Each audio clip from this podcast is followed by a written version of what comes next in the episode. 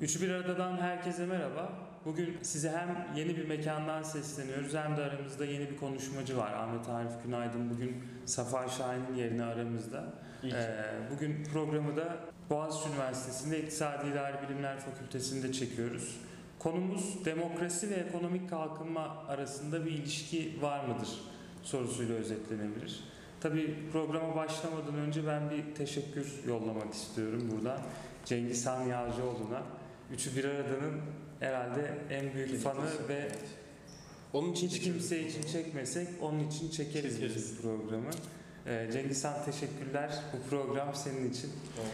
Ee, konuğumuza dönmeden önce seninle başlayayım istiyorum Ömer. Yani biz bugün bu konuyu neden konuşuyoruz? Demokrasi ve ekonomik kalkınma arasındaki ilişki neden önemli? Şimdi demokrasi ve ekonomik kalkınma arasında ilişki dediğin zaman aslında e, bizde genel kabul edilen pozitif bir ilişki olduğu. Yani demokratik ülkelerde ekonomik kalkınma da olur. Ekonomik kalkınmanın ön şartı demokrasidir diye. Çok yaygın bir ezber var. Bunu hani lisedeki çocuğa sorsam bile böyleler. Bunun doğruluğu e, çok sorgulanmaz. O yüzden de biz bu konuyu tartışmak istedik. Çünkü bizce bu aslında biraz basit bir ezber. Evet. Bugün inşallah niye basit bir ezber olduğunu anlatacağız. Yani doğrudan bu ezber doğrudur veya yanlıştır demek yerine bunu tartışmaya açmak Evet, herkes için aynen. çok Yani daha girift bir konu bu aslında. Yani çok basit bir cevap oluyor bu. Hani Evet. pozitif bir ilişki vardır evet bu şarttır diye. Arif sen de varsa katkıları Ee, bu soruyu. Yani ezber olmasının ötesinde e, gündelik hayatımıza ve gündelik politikaya da yansıyan tarafları var bu ezberin. Çünkü demokratikleşmenin ekonomik kalkınmaya yol açacağı iddiasıyla yola çıkıp özellikle son 25-30 yıldır dünyanın çeşitli yerlerinde çeşitli hem ekonomik hem de toplumsal facialara yol açan gelişmeler yaşandı. Yani ülkelerin ek- ekonomik ve politik yapılarının bu söylemle dönüştürüldüğünü. Dönüştürüldüğünü ve e, iyice işlevsiz hale getirildiğini görüyoruz bir sürü yerde. Anladım. İsterseniz o zaman bu demokratikleşme meselesinin de öncesinde demokrasiyi biz nasıl anlıyoruz? Ve demokrasiyle ekonomik kalkınma arasında pozitif ilişki vardır diyenler nasıl bir iddiayla karşımıza çıkıyor onu konuşalım. Mesela bunun son zamanlardaki en büyük savunucusu Daron Acemoğlu hepimizin bildiği üzere. E, Daron Acemoğlu ne söylüyor bize E, ve temel iddiaları neler? Yani klasik argüman şey, e, demokrasi kapsayıcı bir rejimdir. Hı. Toplumun e, unsurlarını daha çok kapsar diğer rejimlere göre ve bu kapsayıcılıkta kapsayıcı ekonomik kurumları getirir.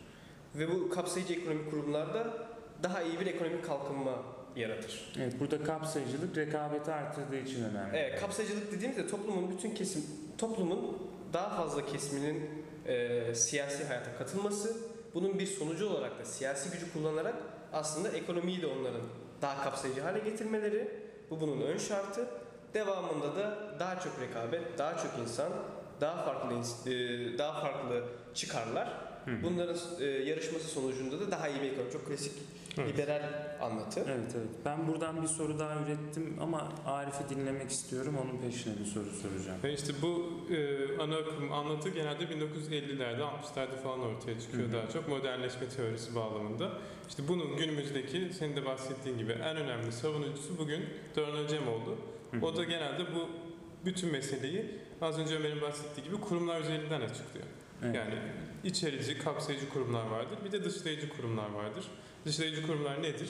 İşte monarşinin e, oluşturduğu kurumlardır. İşte içerici, kapsayıcı kurumlarda demokrasinin e, ifade özgürlüğünü sağlayan ve piyasaya rahat bir şekilde girmeyi sağlayan kurumlardır. Yani Evet. Yani orada o mesela dışlayıcı ekonomik kurum çok havada kalıyor ne oldu. Dışlayıcı ekonomik kurum demek şu, sizin markete girişiniz sıkıntılı. İşte- yani engelleniyor. Markete tekel, herkes giremiyor. Tekelleşme. olduğu, işte e, fiyat sınırlamalarının olduğu vesaireden bahsediyoruz yani dışlayıcıdan kastımız Hı bu. hı. Ya şey Türkiye'deki savunucularına bakıyorum bu söylemin. İsim vermeme gerek yok da böyle hani inovasyon, yapısal reformlar vesaire çok öne sürülüyor. Evet. Yani burada biz demokrasiden aynı zamanda işte demokrasi özgür düşünce ortamı yaratır. Özgür Hı hı. düşünce ortamında bilim gelişir. Bilim gelişince yeni icatlar, işte ekonomik reforma yol açacak teknolojik atılımlar yapılır gibi Çok- bir şey evet. Acemoğlu'nda buluyor muyuz? Yoksa bu e, Acemoğlu'nda olmayan fakat e, başkalarının iddia ettiği şekilde yine mevzuya dahil edilebilecek bir konu mu? İşte Acemoğlu'da kısmen buluyoruz. Çünkü Acemoğlu'da var. Acemoğlu e, işte Kuzey Amerika örneğiyle e, Latin Amerika örneğini kıyaslayarak diyor ki bir tanesinde parlamento vardı. Orada her ne kadar Britanya İmparatorluğu'nun sömürgesi olsa da Kuzey Amerika'da yani bugün Amerika ve Kanada diye bahsettiğimiz yerlerde e, o parlamentoda insanlar konuşabiliyor ve taleplerini e, imparatorluğun merkezine iletebiliyorlardı Hı hı. şeklinde bir yaklaşım var. Ama öbür tarafta baktığımızda İspanyol İmparatorluğu'nun sömürgesi halindeki Latin Amerika ülkelerinde böylesine bir parlamento yapısının yeterince gelişmediği dolayısıyla e, bütün kurumların e, o merkezdeki monarşinin talepleri ve e, ihtiyaçları doğrultusunda geliştiğini görüyoruz. Evet. Yani aşağıdan yukarıya bilgi akışı Aynen. sağlanmıyor. Bunun yerine Geri bildirim geri bildirim alıp yani yukarıdan Evet. aşağıya yapılacak şey de o bilgi akışına göre düzenlemeler üretmek olabilirdi. Bunun yerine yukarıdan aşağıya tek kişinin belirlediği e, hükümlerle Evet. dizayn Bir de burada şöyle bir durum var. Şimdi e, kaps, e, kısıtlı rejimlerde yani dışlayıcı rejimlerde zaten siyasi güç de çok az kişide olduğu için bunların eko- ekonomik kaynaklar da çok az kişiye dağıtılıyor. Hmm. Ekonomik kaynakları dışarıya dağıtma gibi bir e, motivasyonun da yok zaten. Gerek de yok buna. Ama siyasi güç e, kapsayıcılığı artarsa siyasi gücün o zaman ekonomik kaynakların da daha fazla insana aktarılması gerekecek. Anladım. Yani İspanyol monarşisinin şeye ihtiyacı yok zaten. Ee, daha fazla insana bu refahı doğrudan verebileyim. Yani Daha kısıtlı insan o şeyi evet, yiyor, evet. Zaten ekmeği orada yiyor. bir sömürü hikayesi çok e, net tanımlanmış. Oradan gelir gelsin ve o benim cebimde dursun. Evet. Diğerinde daha farklı. Yani buradan şey geliyor aklıma. Piyasaya katılım aslında ekonomik genişlemeyi de sağladığı için mesela Japonya'nın 2. Dünya Savaşı sonrası örneğine baktığımızda şunu görüyoruz. Ee, toprak özelleştirmeleri yapılıyor ve insanlar topraklarının sahibi oluyorlar. Yani çiftçiler toprak sahipleri için değil kendileri ve piyasa için üretim yapmış oluyorlar. Bu sayede ekonomi büyüyor. Evet. Bunda benzer bir hikaye. Peki demokrasinin ve ekonomik kalkınma arasındaki ilişkinin nasıl anlatıldığını paylaştık. Ee, siz bu argümanları kabul ediyor musunuz? Ömer senle başlayalım. Ee, ben katılmıyorum. Yani Niye demokrasi ekonomik kalkınmayı getirmeyebilir diyoruz. Getirmeyebilir. Çok iddialı. Şimdi şöyle, bu argüman çıkarken zaten e, mantık şu oluyor. Bakıyorsun ekonomik olarak e, refah yerlere, zengin yerlere, işte İngiltere'ye, Amerika'ya. Sonra diyorsun ki buralar nasıl bu kadar zengin oldu? E bunların kendi kurumlarına bakalım. Aa bunların böyle kurumları var. Yani tırnak içinde kapsayıcı kurumları var. O zaman kapsayıcı kurumlar ekonomik bir kalkınma yaratıyor diyorsun. Halbuki çok fazla e, farklı örnek var. Hani e, özellikle de e, 20. yüzyılda çok daha farklı örnekleri gördük biz ve bu farklı örnekler bize gösterdi ki aslında bu bunun bir ön şartı değil. Bu buna doğrudan yol açmak zorunda değil. Yani bugün Asya'ya baktığımız zaman bu e, Asya kaplanları kim bunlar? İşte Tayvan, Hong Kong, e, Singapur, Güney Kore. Bunlarda demokratik kurumlar yoktu. Ama bunlar inanılmaz kalkındılar. Bunlar hatta Avrupalı e, muadillerinden çok daha hızlı kalkınabildiler. Çünkü bunlarda otoriter bir kapitalizm var ve otoriter kapitalizm aslında daha e, ekonomik kalkınma anlamında daha iyi bir şey. Evet. Çünkü kimse ses çıkarmıyor senin yaptıklarına. Sen mesela atıyorum Singapur'da şey diyebiliyorsun, grevi yasaklıyorsun. Grevi yasaklamak güzel bir şey. Veya işte maaşları belli bir seviyede tutarsın. Ee, sizin içeride yaptığınız bütün bu işte ekonomiyi geliştirecek, kalkınacak politikaları birilerinin e, hayatının pahasına da olsa, birilerini bastırma pahasına da olsa kimse ses çıkarmadığı zaman siz aslında daha iyi bir kalkınma sağlayabiliyorsunuz. Bunun aksi örnekleri çok yaşandı 20. yüzyılda. Ve o yüzden bu argüman artık o kadar da geçerli bir argüman değil. Yani kapitalizm aslında demokrasiyi istemez. Kapitalizmin başka bir mantığı vardır. Başka istekleri vardır. Nedir bu? İşte ucuz işçi olabilir. Nedir bu? Ee, benim işte e, özel mülkiyetin korunması olabilir. Özel mülkiyetin korunması ne kadar demokratiktir o da tartışmalı bir konu mesela. Evet. Ee, Peki Arif sen ne düşünüyorsun? Bu ana akım argüman seni ikna ediyor mu? Ee, Ben meseleye direkt Ömer'in bıraktığı yerden gireyim. Oradan bir eleştirim var benim de. Yani Ömer'inkine zaten katılıyorum. Kapitalist bir sistemin gerektirdikleri üzerinden e, meseleye baktığımız zaman yani bu ana akımı yeniden incelediğimiz zaman sadece farklı örneklerin ortaya çıktığını değil, aynı zamanda bu adamların incelediği Batı Avrupa ve Amerika örneklerinin de e, göründüğü kadar işte kapsayıcı kurumlar ya da ifade özgürlüğü gibi şeyler üzerine değil, gayet dışlayıcı, kölelik gibi olsun, işte e, ucuz işçilik gibi olsun sistemler üzerinden geliştiğini görüyoruz. Yani kısaca adamlar sadece bugünün şartlarına bakmışlar, bugünkü Avrupa ülkelerine ve bugünkü Amerika'ya bakmışlar. Ona göre bir e, tarihsel analiz yapmışlar. Bu da meseleyi yani o parlamentoları falan tarihsizle, tarihsizleştirmek anlamına geliyor.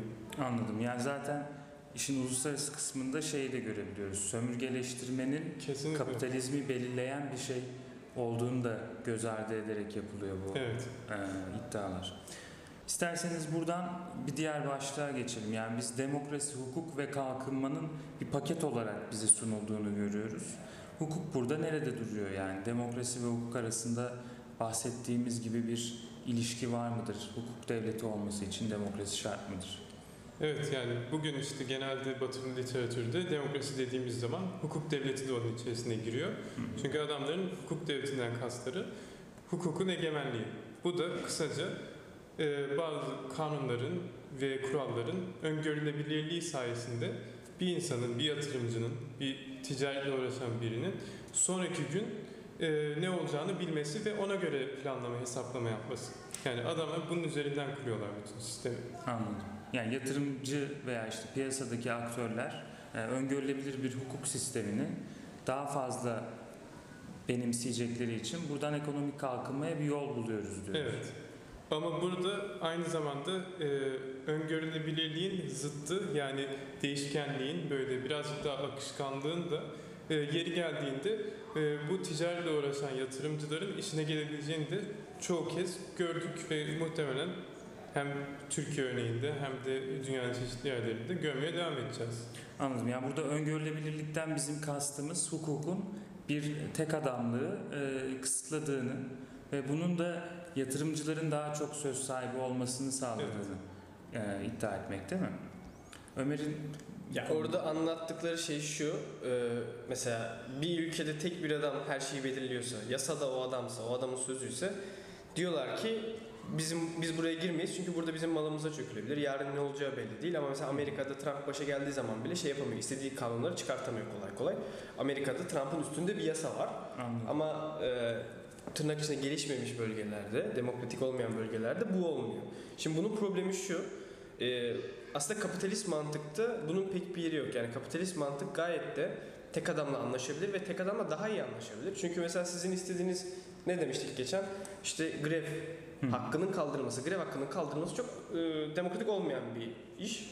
E, şimdi siz bunu e, tek adamla anlaşıp çıkartabiliyorsunuz Singapur'da. Ama Almanya'da böyle bir şey getirdiğiniz zaman buna izin vermezler. Yani o demokratik kurumların olduğu yerlerde aslında sizin istediğiniz yasalar tartışmaya açılıyor. Çok daha büyük bir tartışma ve muhalefetle karşılaşıyor ve yeterince hızlı geçmiyor.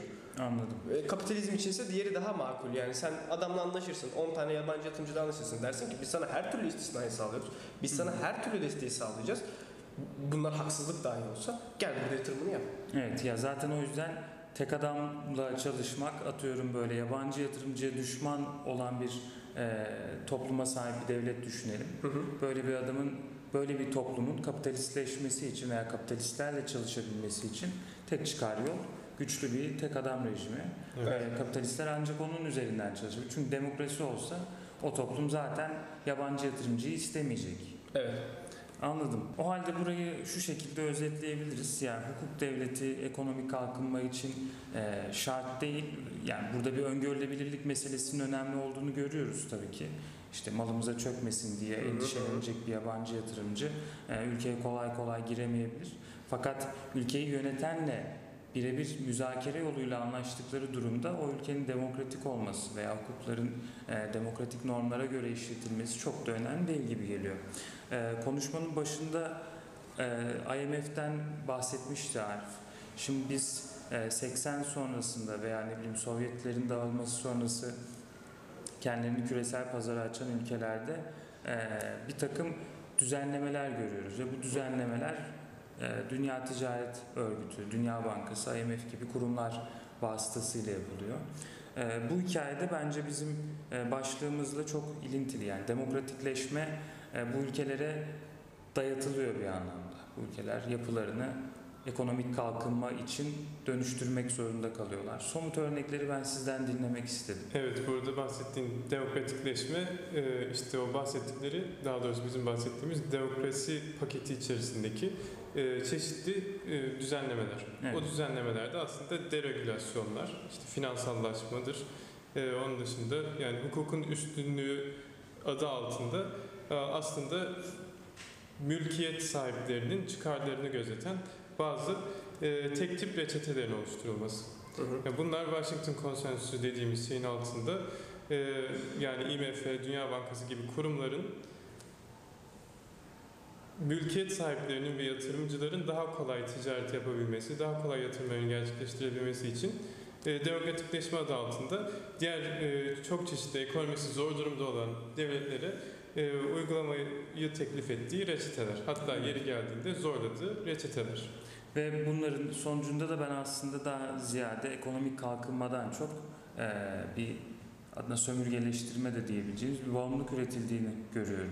Bilmem yanılıyor muyum? Evet bu bağımlılık meselesi kesinlikle var. Onda finansallaşmanın da etkisi var. Yani bütün dünya yani buna aslında sadece e, gelişmemiş diye adlandırılan ülkelerde değil ABD, Çin gibi ülkelerin de bu sistemin bir parçası olduğu ve bunlara bağımlı hale geldiğini söyleyebiliriz.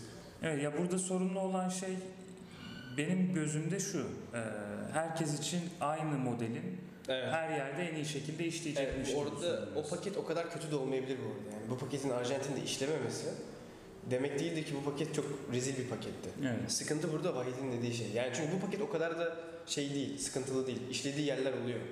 Yani Latin Amerika'nın kendi içinde de mesela Şili'de işledi bu iş. Şili iyi gitti. Ha, Arjantin olmadı. Çünkü başka bir sürü faktör de var. Tarihsellik var. Ondan kopartamıyorsun. Ve tek bir reçete verdiğin zaman da o kadar da iyi olmuyor, doğru olmuyor. Yani baktığımız zaman işte Türkiye örneğinde de belli bir dönem için e, IMF'nin verdiği reçete uygulandığında başarı sağlandığı Başarı sağlan, gözlemlenirken evet. Bugün bakıldığı zaman e, o gün yapılanlardan dolayı işte e, yabancı yatırımcıya çok fazla e, müsamaha gösterilmesinin etkisiyle bugün onun sıkıntılarının çekildiğini de görüyoruz Evet. bir taraftan. Evet, evet. Yani o birazcık tarihi nereden alıp hangi açıdan yaklaştığına göre de değişiyor. 2000 sonrası Türkiye'nin ekonomik kalkınmasında şeyin rolü yok mu? Bu paketin rolü yok mu? Her şey de var işte. Yani dervişlerin Evet. gelmesinde, Evet. dervişlerin kurduğu sistem. Yani bu paket o kadar şimdi biz bugün tartıştık ama o kadar da rezil bir paket de değil. Şimdi sürekli eleştirince şey oldu. Garip Yok. bir şey oldu. Bütün kredisi düştü gibi Evet, oldu. Aslında o kadar da değil yani. Ve hani eğer sizin ülkeniz de hiçbir kurum yoksa, hiçbir şey doğru düzgün işlemiyorsa aslında bu bir size bir temelde sağlıyor. Fena da olmuyor o kadar. Yani e, bağımsız Merkez Bankası o kadar kötü de fikir olmayabiliyor her zaman gibi. İşte uygulayabildiğin ölçüde Evet. e, Ya mesela şey çok önemli bence, özür dilerim böldüm lafını. Ee, Sovyetlerin yıkılışından sonra bütün o eski komünist devletler bu pakete uyum sağlamaya çalıştılar. Bunların bir kısmı belki yani Doğu Avrupa'da da Avrupa Birliği ile ilişkilerini güçlendirebilecek olanlar e, bu pakete uyum sağlayabilmiş olabilirler. Ama çoğusunun e, çuvalladığını görüyoruz. çuvallıyorsun çünkü zaten mesela Sovyetlerden geçişte e, Rusya'da ciddi bir değer var, fabrikalar var, sanayi var. Bu sanayi sen böyle bir anda saçma sapan bir özelleştirme, hiç kuralsız bir özelleştirme, sadece hani özelleştirelim iyi olacak mantığıyla aldığın zaman olmuyor iş. Ve burada eşitlik yerine oligarkların Aynen üretimi. oligarklar üretiliyor, Önemli. verimli bir üretim de yapılmıyor aslında. Evet. Ekonomi de iyiye falan gitmiyor. Halbuki o mesela bugün Rusya'da daha tekrardan şeye geri dönüş var. Devlet güçleniyor, devletin ekonomideki rolü artıyor. E bu mesela 90'lardaki modele göre daha iyi bir model. Evet. Ya bir örnek de şeyden verebiliriz. Yani hep ta- tartışılan da bir meseledir bu.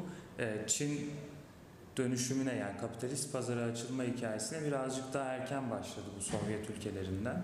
Yani 78'de başladı. Sovyet ülkelerinin yıkıldıktan sonra 91'de başladığını düşünürsek bir 15 yıla yakın bir fark var. Ve Çin'in e, takip ettiği yolun daha farklı olduğunu görüyoruz. Evet.